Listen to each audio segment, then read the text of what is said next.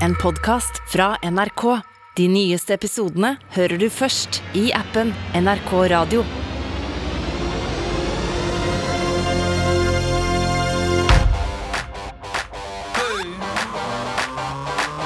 Popkorn og politikk. Med Sean Henrik Matheson og Torkil Risan.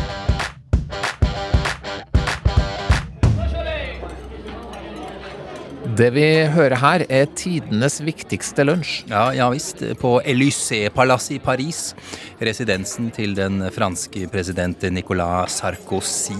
Altså, Det er et herlig arkitektonisk bygg. Det er, en, altså, det er klassisisme der. Du har barokk. Det er noe Ludvig den 14. Det er der. ikke så eh, viktig. Eh, datoen er 23. november 2010. Ni dager før Fifa bestemmer hvem som skal arrangere fotball-VM i 2022.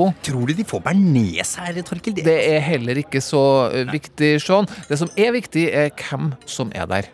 President Sarkozy, selvfølgelig, og Michel Platini, lederen i Uefa, det europeiske fotballforbundet, og emiren av Qatar. Ja, jeg vet det. Litt av en gjeng. Men du, hva snakker de om, Torkil? Det de fleste tror de snakker om, er hvordan Qatar skal få de avgjørende stemmene som gir dem VM i fotball i 2022. Og da er jo nøkkelen å få Uefa til å stemme på Qatar. Og det er jo selvfølgelig Platini som kontrollerer sine medlemmer. Det er han som sitter på de europeiske stemmene. Hvordan gikk det? Vel, etter det her møtet så skyter jo handelen mellom eh, Frankrike og Qatar i været, i hvert fall. Eh, Og Qatar har jo kjøpt opp Sarkozys favorittklubb, fotballaget Paris Saint-Germain, som nå kan skilte med Messi, Neymar, Mbappé, på laget sitt. Gjør dem til verdens rikeste og mest uspiselige fotballklubb. Og ikke minst så skjedde jo det her. The winner to organize the 2022 FIFA World Cup is Qatar. Sepp eh, Blatter der, eh, Fifa-presidenten. Eh, Torker, hør på det her. Eh, Sarkozy ba meg aldri om å stemme for Qatar, men jeg visste hva som vil være lurt å gjøre. Platini. Ja, men- det var Platini! Det sa han etter den middagen der. Eller lunsjen, da. En veldig verdifull lunsj for eh, mange, sikkert. Og det Blatter eh, sier der Du vet hva bladder betyr? Altså Blatter, blatter, bladder, Ja, altså, det betyr jo blære. Qatar. Hæ? Oh, Wow, Torkil! Wow! Det er jo dritmorsomt! Eh, det ble jo annonsert samme dagen som eh, VM-arrangøren i 2018, som også da ble Russland, ikke sant? Ja. Altså, for meg kanskje den mørkeste dagen i fotball-VMs historie. Ja. Og det er det det skal handle om i dag. Hvordan kunne fotball-VM tas fra oss? Og hvem er det her Fifa? Eh, og, og, og hva er det vi må vite om det som foregår i Qatar? Der kommer TV 2s glimrende sportskommentator Mina Finstad Berg. Eh, hun har jo vært i Qatar. Ja, hun var der faktisk under denne kongressen. eh, Det må vi spørre henne om. eh, Da, da Lise Klavenes ga sin flammende, sitt flammende innlegg om hvor ræva hun og veldig mange andre synes dette opplegget er. Ja, Så det skal vi definitivt spørre om. For det, det, det er jo ikke det det en gang var. Det som var det beste i livet, fotball-VM. The day that football died. Åh, kjære deg.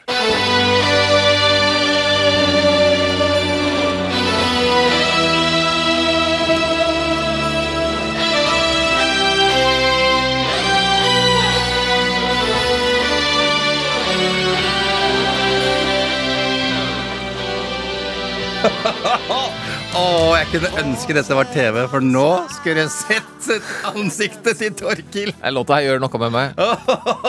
Rent smør, konsentrert ned italiensk eh, diskopop. Ja, fy fader, altså. Giorgio Moroder. Ja, det er jo Moroder. Selveste. Som står bak det. Det er kanskje ikke gullalderen til Moroder, men eh, herlighet. Ja, Giorgio Moroder, han er eh, en legende innen Hva er det, EDM-musikk og sånn type ting? Ja. Stor fyr. Alt det der. Eh, ja, nei, Onestate Italiana, Eduardo Benato og Gianna Nanini eh, fra Nannini. fotball- fotball-VM 1990-låta. Herlighet. Jeg har ikke hørt den siden, jeg, tror jeg. For å si det rett ut. Det har jeg, da. Herregud.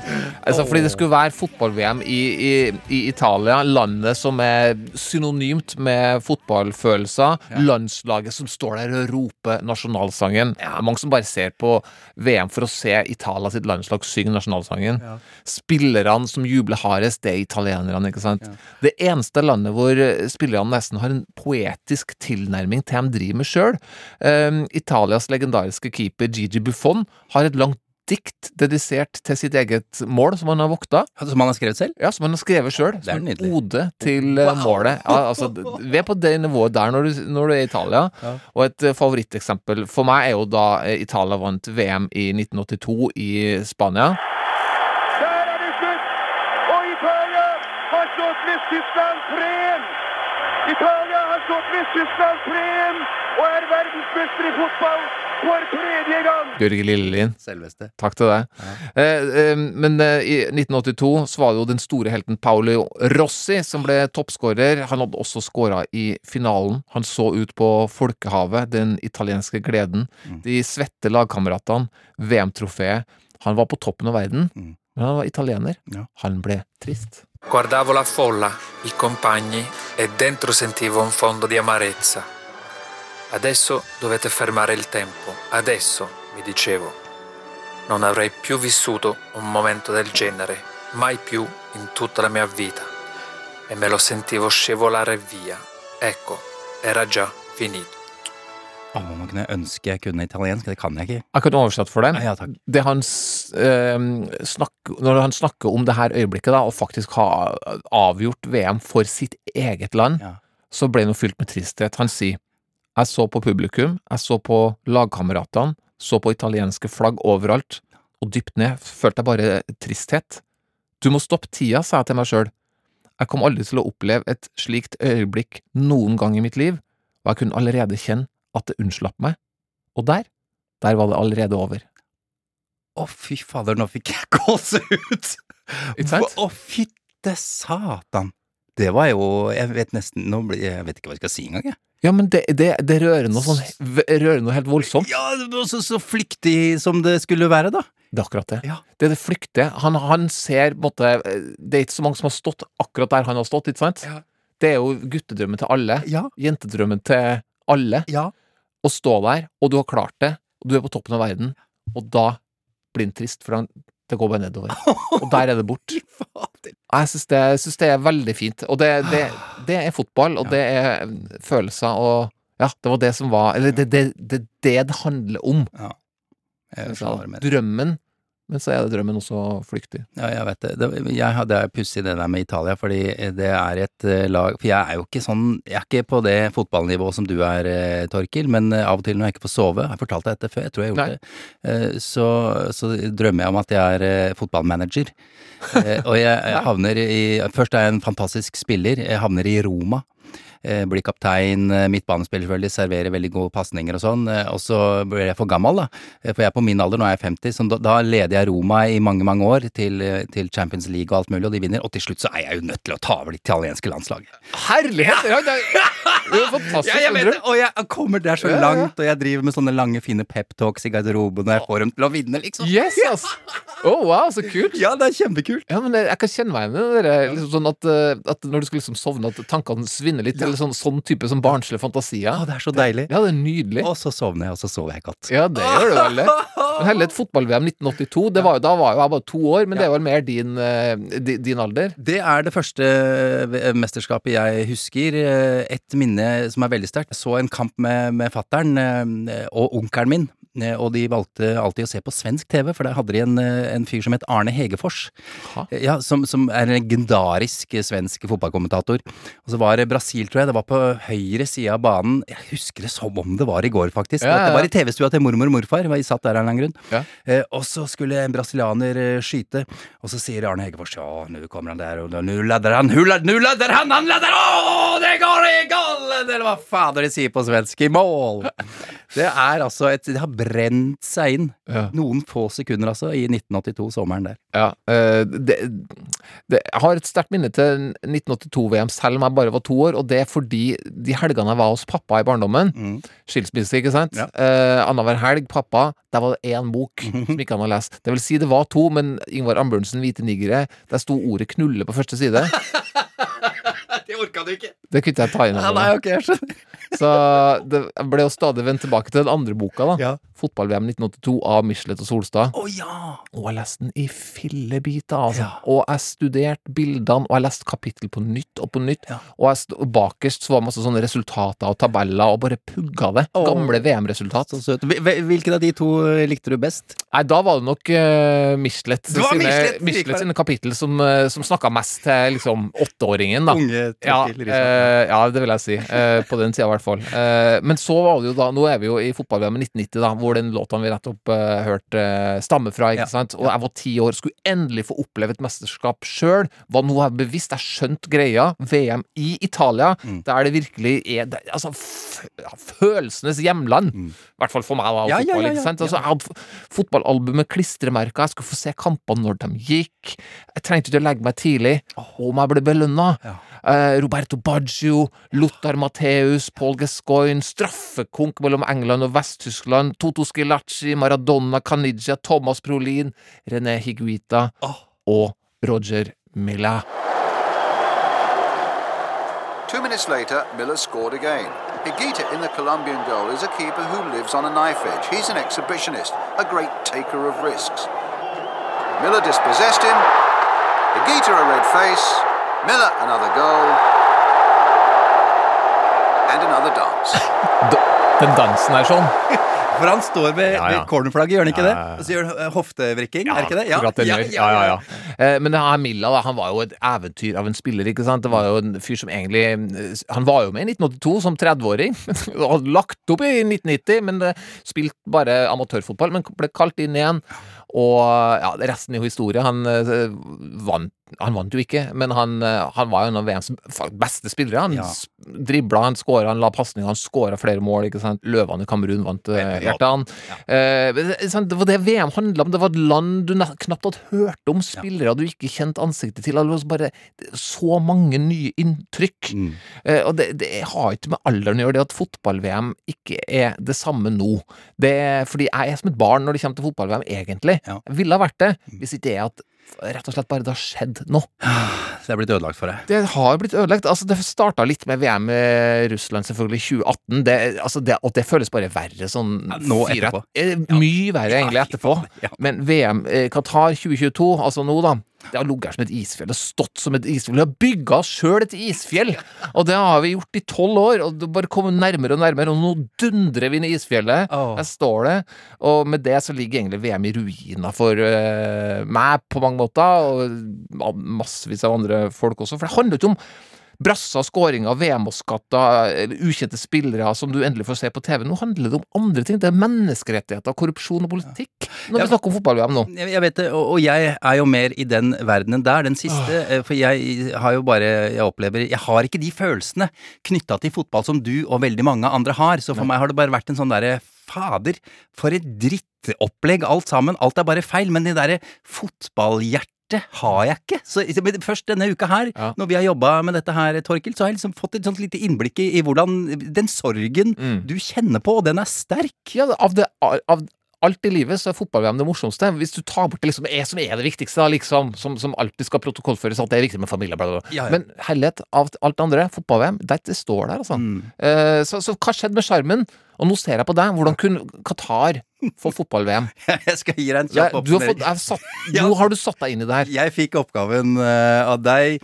Eh, Først må vi bare begynne med et litt viktig poeng her. Eh, det finnes ikke mm, entydig bevis på at Qatar kjøpte seg VM under, altså eller før utdelingen da, i, i 2010. Det, bare for å ha det som en disclaimer her mm. med en gang.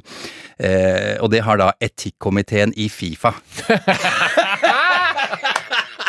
ettertrykkelig slått fast, bare så vi har alt på det rene. Etikkomiteen i Nazi-Tyskland har sagt at vi har ikke gjort noe galt. De hadde en to år lang eh, undersøkelse i, i 2014 om dette her. Mm. eh, to år, to ord om etikkkomiteen. De skal ha honnør, eh, syns jeg virkelig, for de har gjort en, en kjempejobb. Eh, For siden denne gangen her, eh, om Qatar kjøpte seg VM eller ei, så har Fifa faktisk klart å rydde opp. Ja, var det det? Ja, de har utrydda all korrupsjon i organisasjonen sin. Det gjorde de i 2018.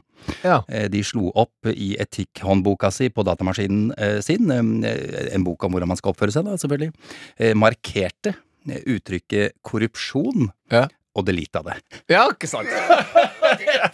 Faktisk sant! Ja. Eh, De trykket Jeg gjør vondt, men det må gjøres. Se, nå finnes det ikke lenger. Eh, De, de skrev inn ordet ærekrenkelse i stedet. De var mer opptatt av det. Jeg skjønner. ja, de ville ikke bli krenka.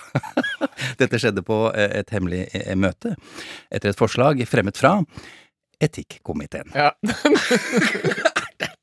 Til å fatte Det er bare det er Fifa. Der ja. har du Fifa. Eh, Men det vi vet, da, er at eh, etter at eh, Qatar fikk VM, så har eh, 16 av de 22 som satt i, i den gruppa som bestemte hvem som skulle få VM, Fifa Council, altså styret i Fifa, er ikke det, blir ikke det riktig omtrent sånn cirka, i hvert fall, Torkil?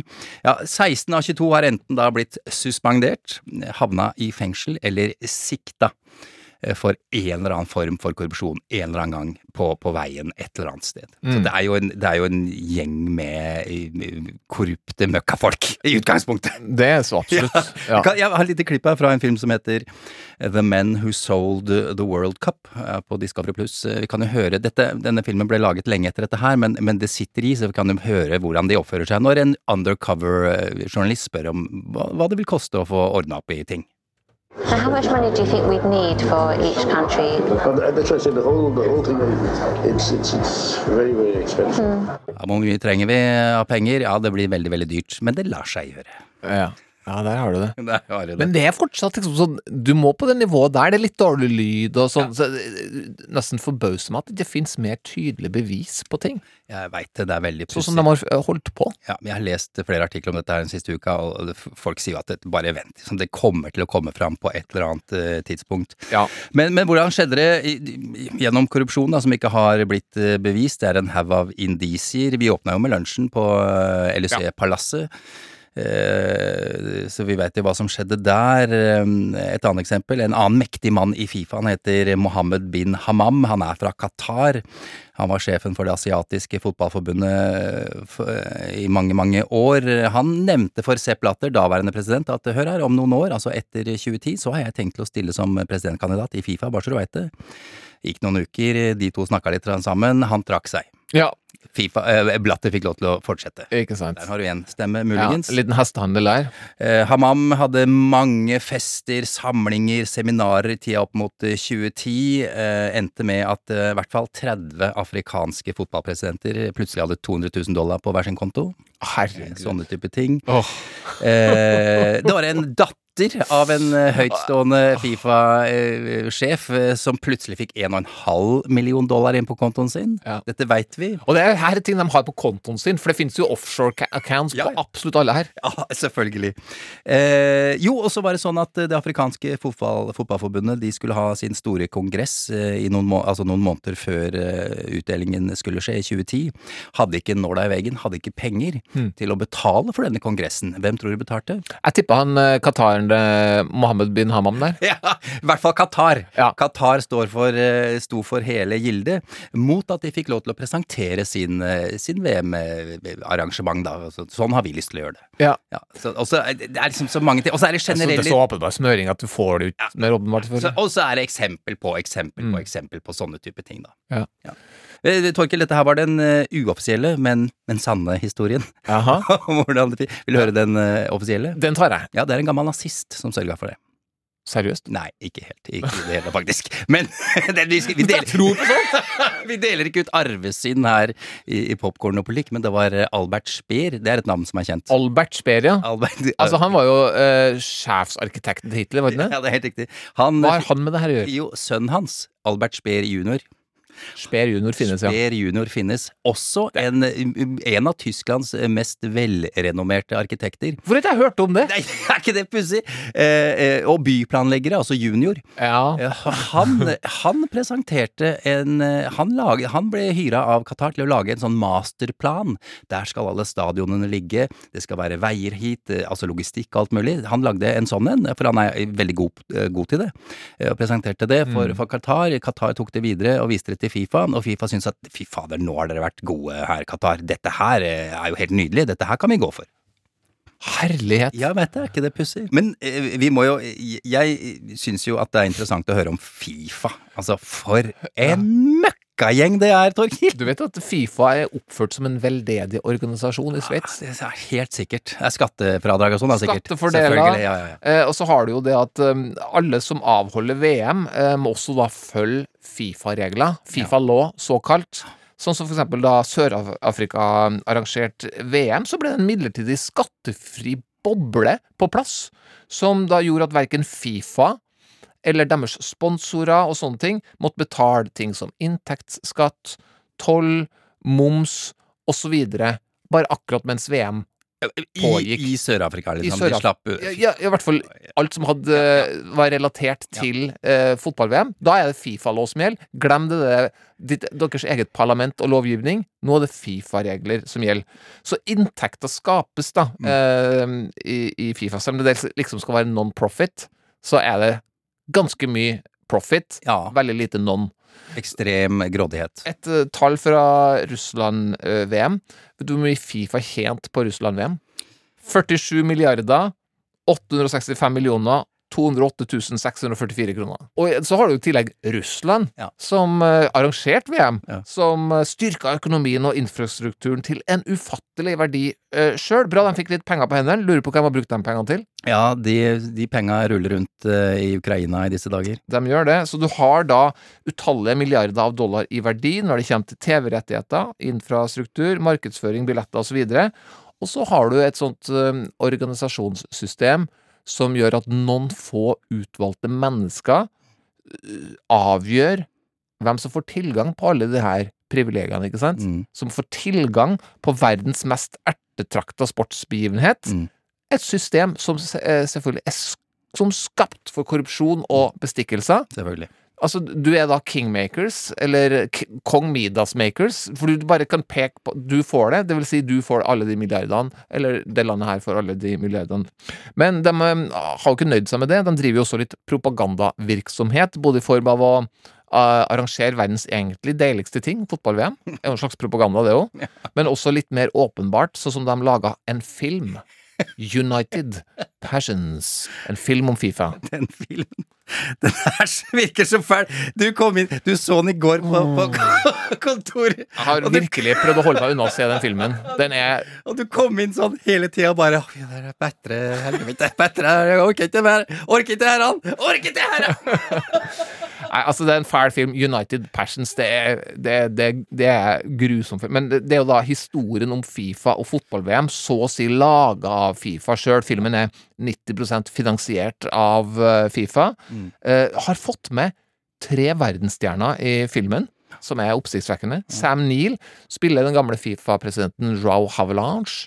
Du har Gérard Depardieu som spiller Jules Rimet, som eh, VM-trofeet er oppkalt etter. Å ja, det visste jeg ikke. Eh, Jewelry May heter det som du Den gull, Det Gullballen, liksom? Ja. gullstatuetten der, ja. ja, ja. Og Tim Roth som Sepp Blatter. What? Altså, for, men hva er det de har fått eh, Hadde de ingen de, Altså, dette, denne filmen er jo Ja, de har, at de gidder å stille opp for det, det, det, det skjedde jo etter at Qatar fikk VM. Den filmen er jo fra 2014, var det det du sa? Ja, altså det, Tim Roth har jo vært offentlig beklaga. Han har det, ja. Ja, ja, ja. Altså, han, eh, han sier at det er rett og slett the wrong project but the, at the right time, eh, fordi han trengte å få ungene gjennom college. Ah. Og det er så å si det. Han har nekta å se filmen. Ja, Så han, han har rett og slett bedt om unnskyldning. ja okay, for at greit. den var med. Men um, jeg har tatt med et klipp fra filmen, fordi vi, vi, vi, vi kan ikke bare uh, nevne det her. Vi må, også, vi må også stå i det vanskelige. Ja. Må høre litt fra United Passions. Her er et klipp fra da mm, Fifa dannes tidlig 1900. Alle scenene i denne filmen her er da ekstremt dårlig skrevet, overtydelig, Ja. platt. Eh, skrevet for å alltid framstille Fifa som de står på de svakes eh, side. eh, likende grepa folk, så da her er da en scene hvor de drodler frem navnet Fifa. But above all, what will we call our federation? I know. The English have their football association. Will be the Fédération Internationale de Football Association. FIFA. My friends, we are FIFA. FIFA! We are Fifa. Det hørtes som tulle, det hørtes som en sketsj. Ja. Fifa. Fifa. Yes, we Helten, Fifa. helten i historien her altså det, Dramaturgien fins jo ikke. Nei. Så det er jo scene til scene. Det er liksom sånn Det er stor scene hvor liksom bare Vi kan få Coca-Cola som sponsor.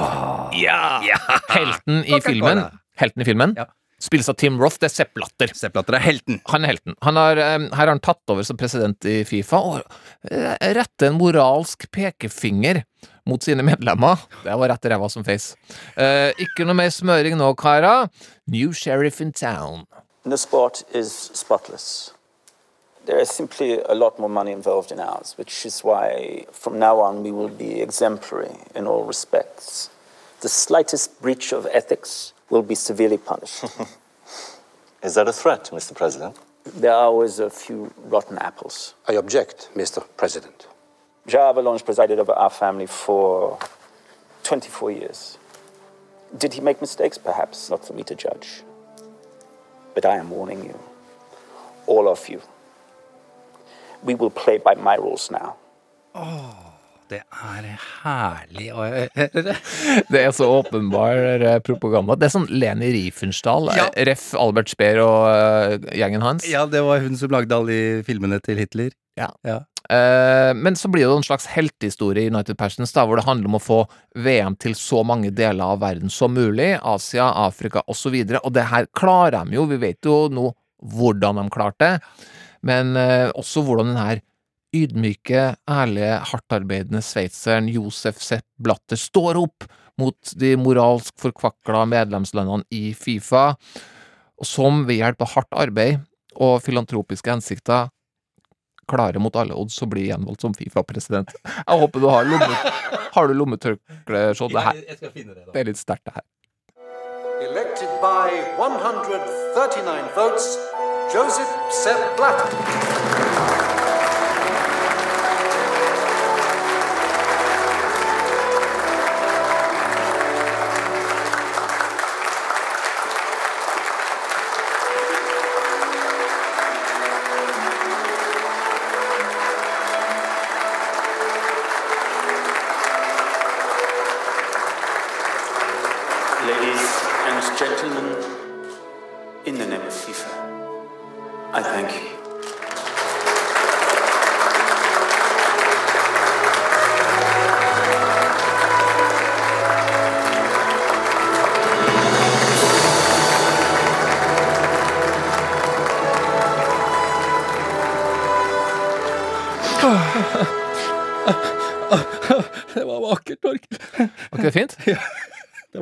Var fin musikk, da.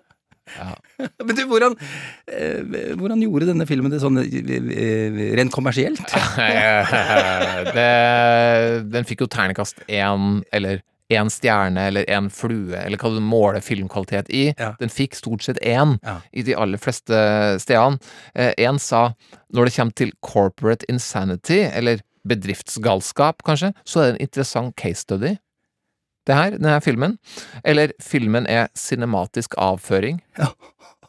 Som også sier dekkende. eh, ja.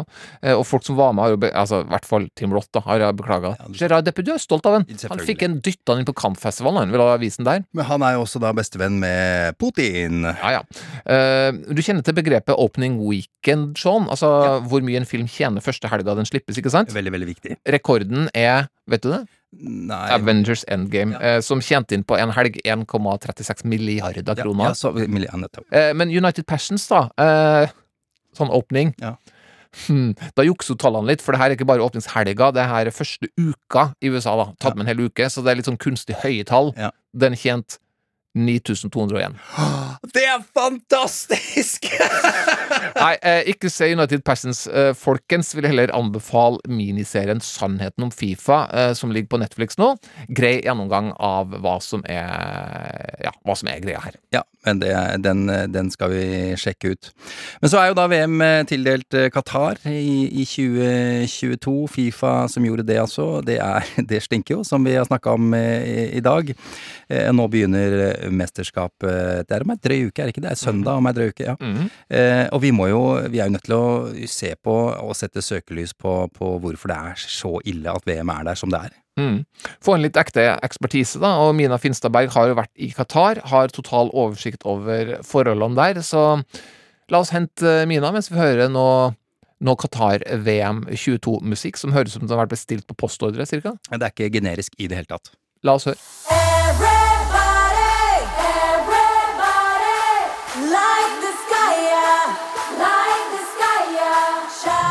Mina Finstad Berg, sportskommentator i TV 2. Velkommen til Popkorn og politikk. Tusen Det takk. er stas å ha deg på besøk. Mina, vi går rett til det som er vondt og vanskelig. Eh, Hva er det verste med at VM avholdes akkurat i Qatar, synes du? Det er mange ting, men for det første så er på en måte Qatar-VM det ultimate beviset på hvor langt Fifa og fotballen har vært villige til å gå for eh, penger. Og det er også det ultimate symbolet på hvordan autoritære regimer og sketchy folk har fått lov til å bruke fotballen politisk for å fremme sine interesser, og for å og egentlig ja, få mer soft power, mjuk makt, da, som vi ofte kaller det. Så det er på en måte det overordna. Og så er det jo alle menneskerettighetsbruddene. Men, men når du sier, snakker om soft power og alt det, hva, hva, er, hva betyr det? I den konteksten her, da, altså du kan skille mellom hard makt og mjuk makt internasjonalt. sant? Og hard makt er jo sånn ganske konkrete ting.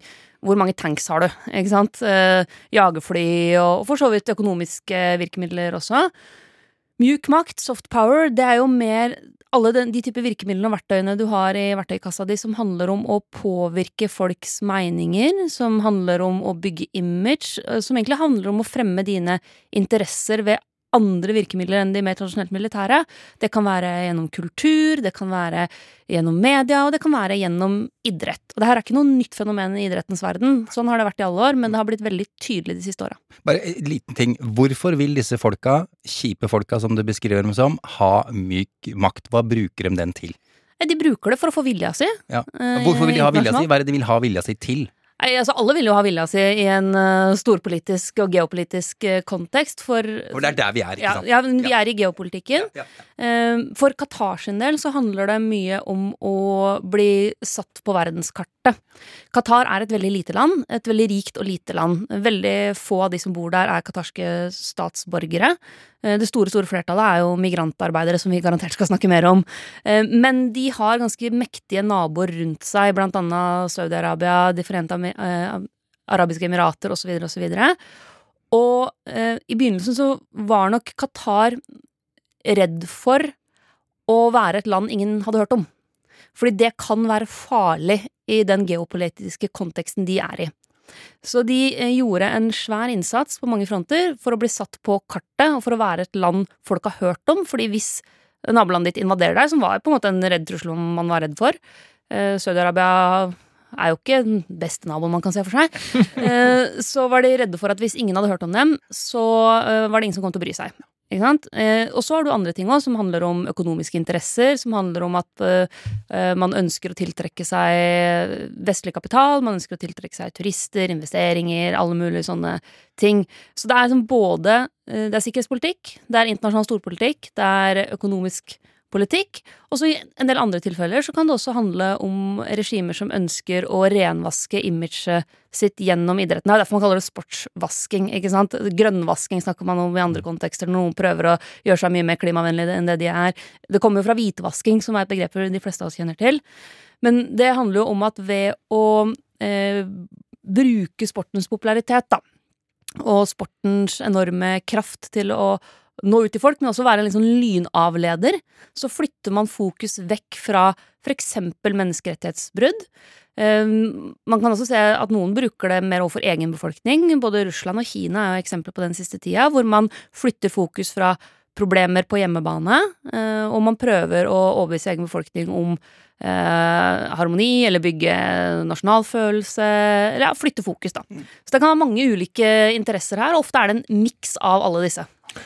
Hvis vi går litt mer konkret inn i, og til virkeligheten som de her eh, migrantarbeiderne eh, opplever, hva kan du si om forholdene de har eh, hatt de siste årene, særlig da spesifikt med tanke på å forberede til mesterskap?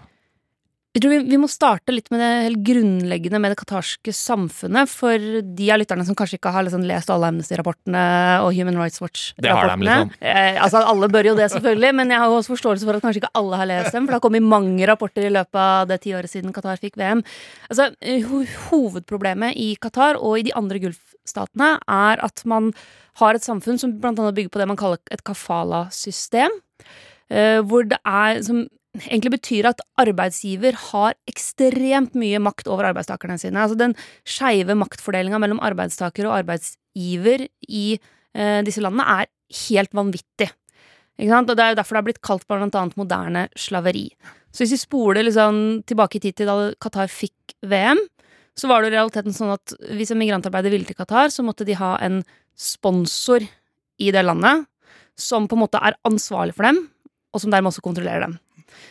Så det er jo historier om folk som Altså at pass blir konfiskert, du har ikke lov til å forlate landet uten å få tillatelse fra arbeidsgiveren din, du har ikke lov til å bytte jobb uten å få tillatelse fra arbeidsgiveren sin, og du er egentlig prisgitt arbeidsgiveren din i ett og alt. Og det her er selve rota til problemet, sammen med manglende ytringsfrihet, manglende organisasjonsfrihet og manglende pressefrihet.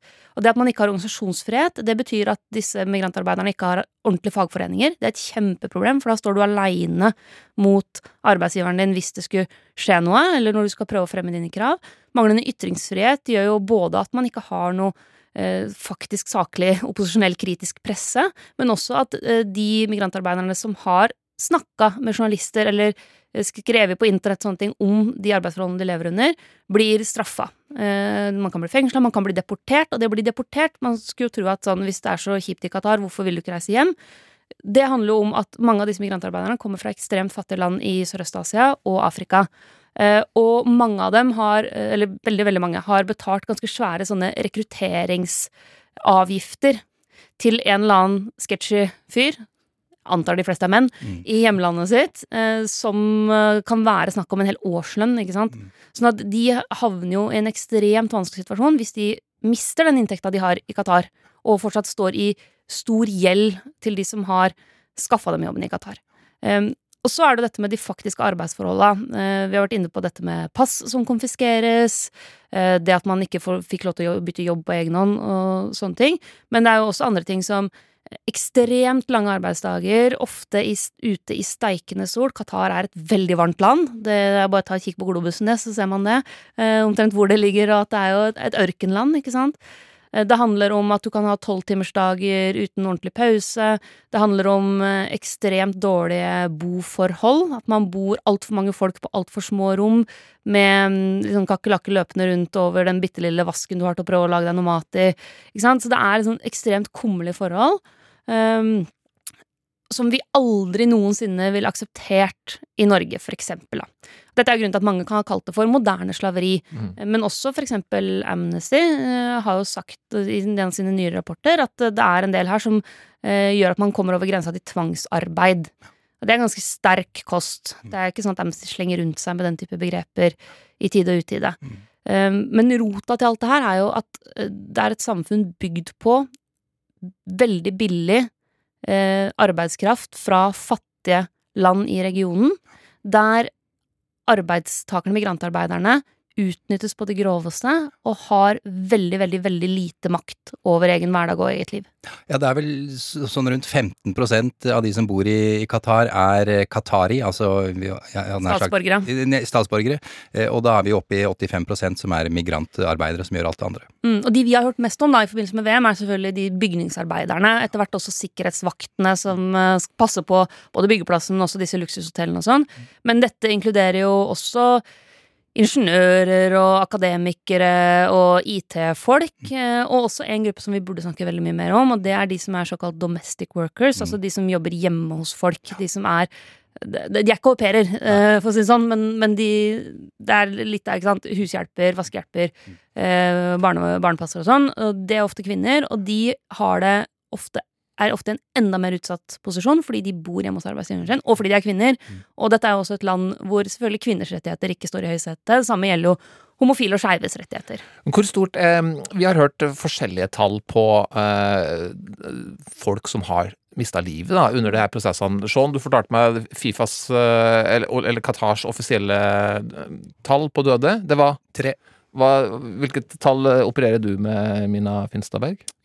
Jeg har ikke det tallet, fordi vi veit ikke. Det er det ærlige svaret. Det er skulert masse forskjellige tall. Men tror du det er tre, eller? Hva, Nei, det er, det er på ingen måte tre. Men det kommer Ja. an på hva du eh, mener, øh, og hvem du spør. For eksempel, hva er et VM-relatert dødsfall?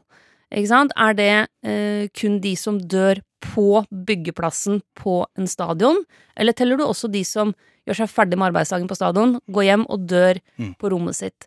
Teller du kun de som jobber med VM-stadionet, eller teller du de som bygger veiene, bygger hotellene, er sikkerhetsvakter og bygger alt av infrastruktur? Mm. For det er også et viktig poeng. Eh, Da Qatar fikk tildelt VM i 2010, så var de ikke i nærheten av å ha infrastrukturen for å kunne ha et sånt type mesterskap. Det er som, det er som å skulle ha VM på Mars. Ja, det er- altså, så å si, det er så å si ingenting klart Jeg tror for Qatar er omtrent på størrelse med Skåne. Og så hadde man ikke infrastrukturen til det heller, så man måtte jo bygge Så alt, altså veier, flyplasser, alle de greiene her har jo også blitt bygd for å bli klar til VM. Mm. Så det er, bør jo, mener jeg, da, også være en del når man teller VM-relaterte dødsfall. Jeg har noen tall her. Altså Det siste sånn tallet som avisene og media skrev om, er fra 2021. Da var det 6500. Ja. eh, Som ikke er offisielle fra, fra Qatar, selvfølgelig. Men de har en offisiell eh, statistikk i, i Qatar også. Fra 2010 så har 17 000 mennesker dødd eh, i Qatar som er eh, fremmedarbeidere. Mm. Eh, Det er veldig mange mennesker.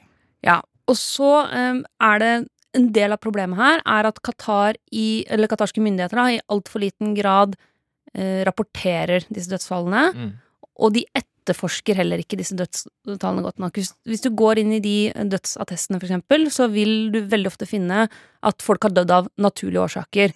Men da er naturlige årsaker som oppgis, er for type hjerte, hjertestans eller åndedretts, altså hjertesvikt, åndedrettssvikt, som basically er eh, vedkommende døde fordi eh, han eller hun slutta å puste, eller fordi hjertet slutta å slå. Det er jo det vi alle dør av, på en Ja, måte. ja. Eh, med mindre vi halshugges.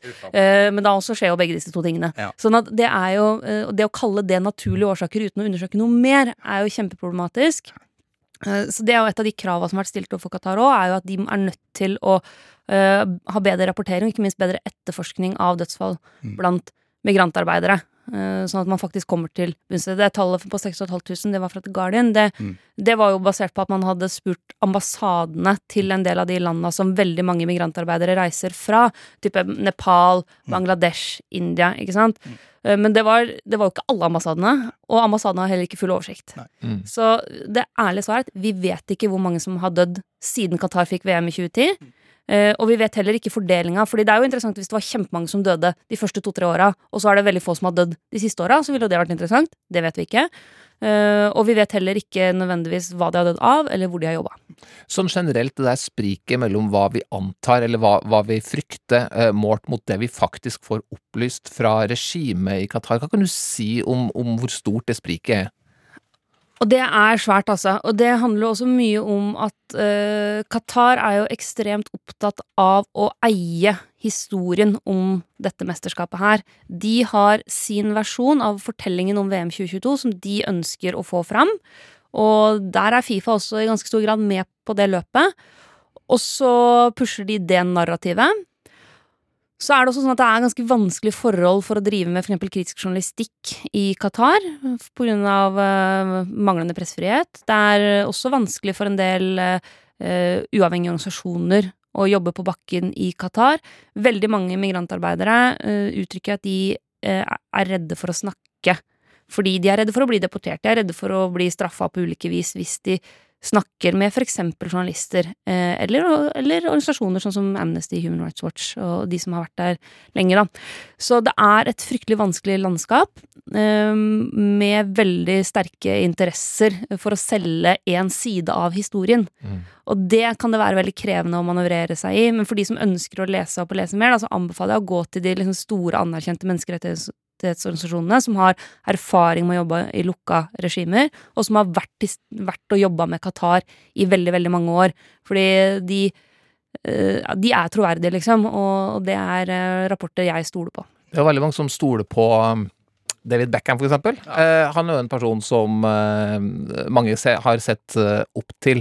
Eh, jeg var litt nysgjerrig på hva du syns om at uh, for eksempel David Beckham er ut og er ambassadør for Qatar-VM, men vi kan jo høre litt av ja, en av hans mange innslag om Qatar, hvordan det høres ut. It's another beautiful day here in Qatar. Welcome to Doha, David. Beautiful, huh? This will go down as one of my favorite mornings.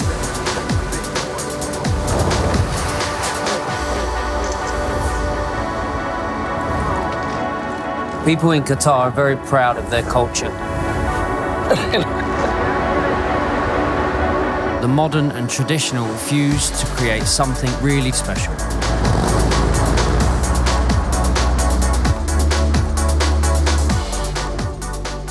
Her driver han og kjører rundt på en feil motorsykkel. Han står på en sånn eh, Hva heter de der båtene? De flotte, nydelige båtene i soloppgang. Og det var, han syns alt er grisefett. Alt er Altså, fett. Catch altså, Så utrolig kjedelig sånn derre boksmusikk som, som underlag også. Veit du hva han fikk for å gjøre dette her, Torki? Nei. 1,8 milliarder kroner. Nei. Jo. Fikk han nesten to milliarder kroner for det? Ja. Oi, det var mer enn jeg hadde villet gjette. jeg- Det er vilt, da. Herlighet, jeg trodde lønningsposen var feit, men det var meget høyt, ja. Ja, ja, ja. Du kan bekrefte det, kan du ikke det, Mina? Det har versert litt ulike tall, men jeg er jo ikke overraska over at Qatar bruker den type summer når de har klart å lokke til seg en av, et av de største fotballikonene fra de siste 20-25 åra, da. Ja, egentlig i fotballhistorien. Altså, det, kan jo, det er en annen diskusjon, men hva han har betydd for idretten sånn globalt sett, det er ganske mye. Han er også Unicef-ambassadør. eh, Og fremstår jo som en innmari hyggelig, trivelig fyr, men eh, alle lar seg kjøpe da, når det er nok penger på bordet, Mina? Og lar seg bruke. Og det har vi sett fra flere tidligere barndomshelter for meg, for eksempel, og også nåværende fotballspillere, at man lar seg sjøl bruke eh, i den her type du kan kalle det propaganda, da, for det er jo på et vis det det er. eh, Og låner ut sin stjernestatus. Så er det jo eh, Så handler det om å at, at noen må jo stå opp imot, eller noen må i hvert fall Og du føler jo at der er det, det det er færre kritiske stemmer, men det, det var et veldig stolt øyeblikk, syns jeg, i hvert fall på vegne av eh, ja, det norske fotballforbundet i form av Lise Klavenes tidligere i år. Vi har et eh, lite klipp fra den talen hun holdt foran eh, flere av Fifa-lederne, og blant annet deg, Mina Finstadberg. Du satt der også og hørte på det her, ikke sant? Det stemmer. Vi kan høre et lite utdrag fra hva Lise Klavenes eh, sa den gangen. In 2010, World Cups were awarded by FIFA in unacceptable ways with unacceptable consequences. Human rights, equality, democracy, the core interests of football were not in the starting 11 until many years later. The migrant workers injured or families of those who died in the build up to the World Cup must be cared for. FIFA, all of us, must take all necessary measures to really implement change. There is no room for employers who do not secure the freedom and safety of World Cup workers. No room for leaders that cannot host the women's game. No room for hosts that cannot legally guarantee the safety and respect of LGBTQ plus people coming to this theater of dreams. Du fikk tårer i øya på kontoret mitt i går, eh, Torkil, da vi satt og så på dette her. Åh, Ja. For sånn da Kong Sverre talte ro midt imot-aktig Ja, ja. vibba. Det, det føltes bare sånn Yes, takk, Lise Klavenes, for du faktisk bare sa det, og de hørte på det, og ingen avbrøt deg. Og det var ikke noe sensur akkurat der og da, og så videre. Men Mina, du satt der jo. Hvordan uh, opptok du det? Det var en veldig spesiell opplevelse, fordi vi visste at det skulle komme. Fordi det ekstraordinære fotballtinget i fjor sommer hadde jo bestemt at Fifa-presidenten skulle opp på talerstolen på neste Fifa Nei, NFF-presidenten skulle opp på, på talerstolen neste Fifa-kongress. Så vi visste jo at det kom til å komme.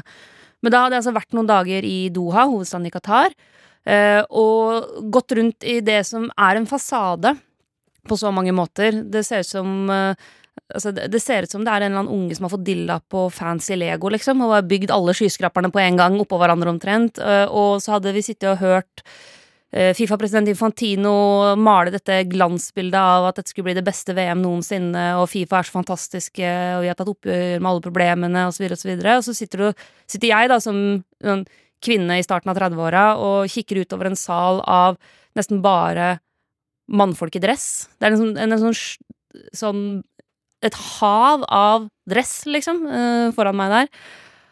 Og tenker at altså, dette er gjengen som styrer den internasjonale fotballen, liksom. Og så kommer da Lise Klavenes opp der eh, og holder en tale som er ekstremt god, og som bare kutter gjennom alle den rosa såpebobler og enhjørninger, og her er alle venner, og det glansbildet som Infantino og Fifa prøver å presentere.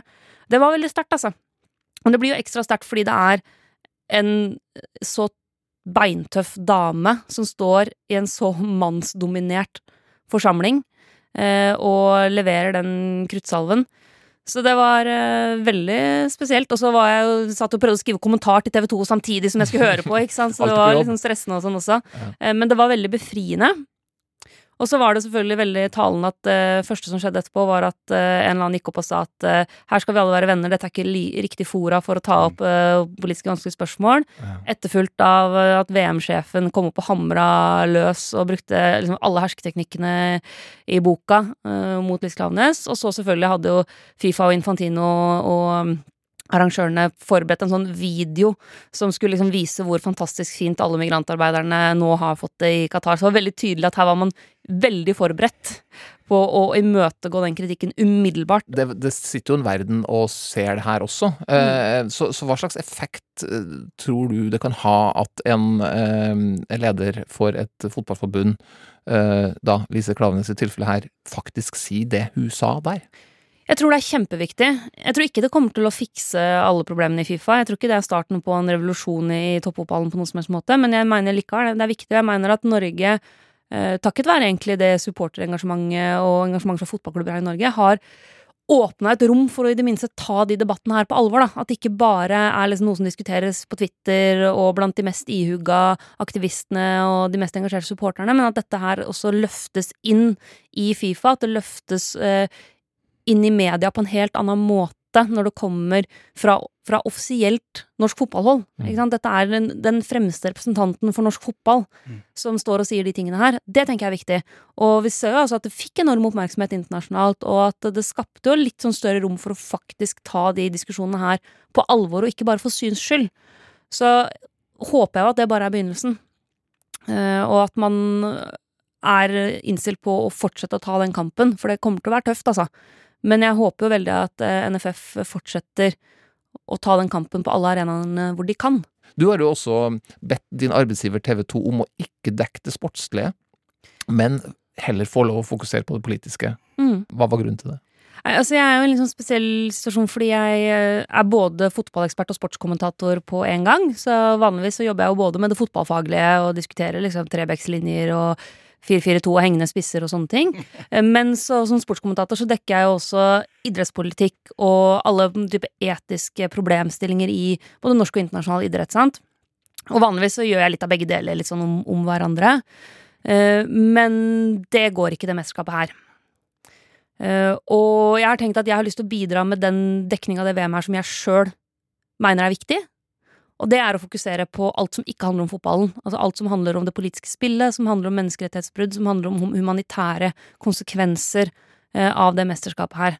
Eh, så jeg kommer ikke til å være fotballekspert, sånn som jeg var, jeg var fotballekspert senest i sommer under damenes EM, men kommer kun til å jobbe som sportskommentator, og da kun ha fokus på, på alt det som skjer utafor fotballbana.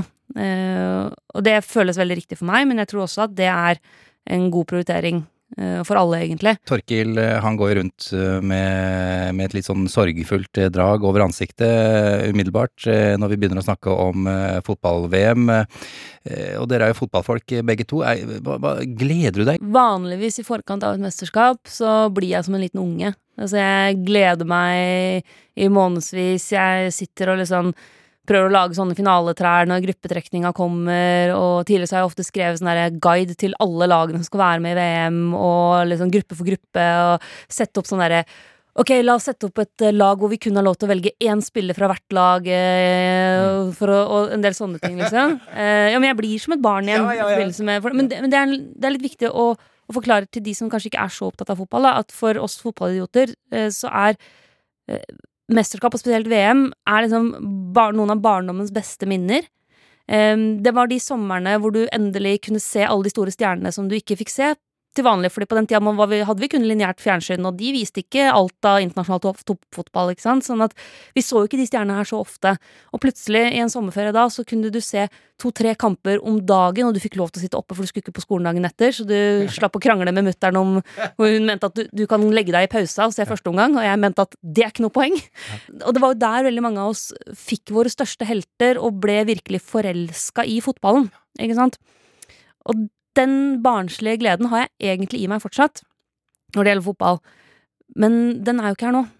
Ja, der er jeg helt på linje med deg. Eh, romantikken er litt over. Det er sterkt å møte to mennesker som er så opptatt eh, av fotball, og, og som da liksom har mista alle illusjoner. Dere sitter litt sånn duknakket der, begge to.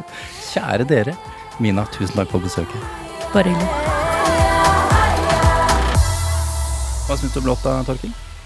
Fett låt. Altså, nei. Det er jo ikke verdens verste musikk. Nei, nei. Men den er jo den er, den er så generisk. Det er det. Altså, du kan google deg fram til det. Ja, jeg vet På en måte, du, kan, du kan lage låta på Google, sikkert. Det er sannsynligvis veldig lett.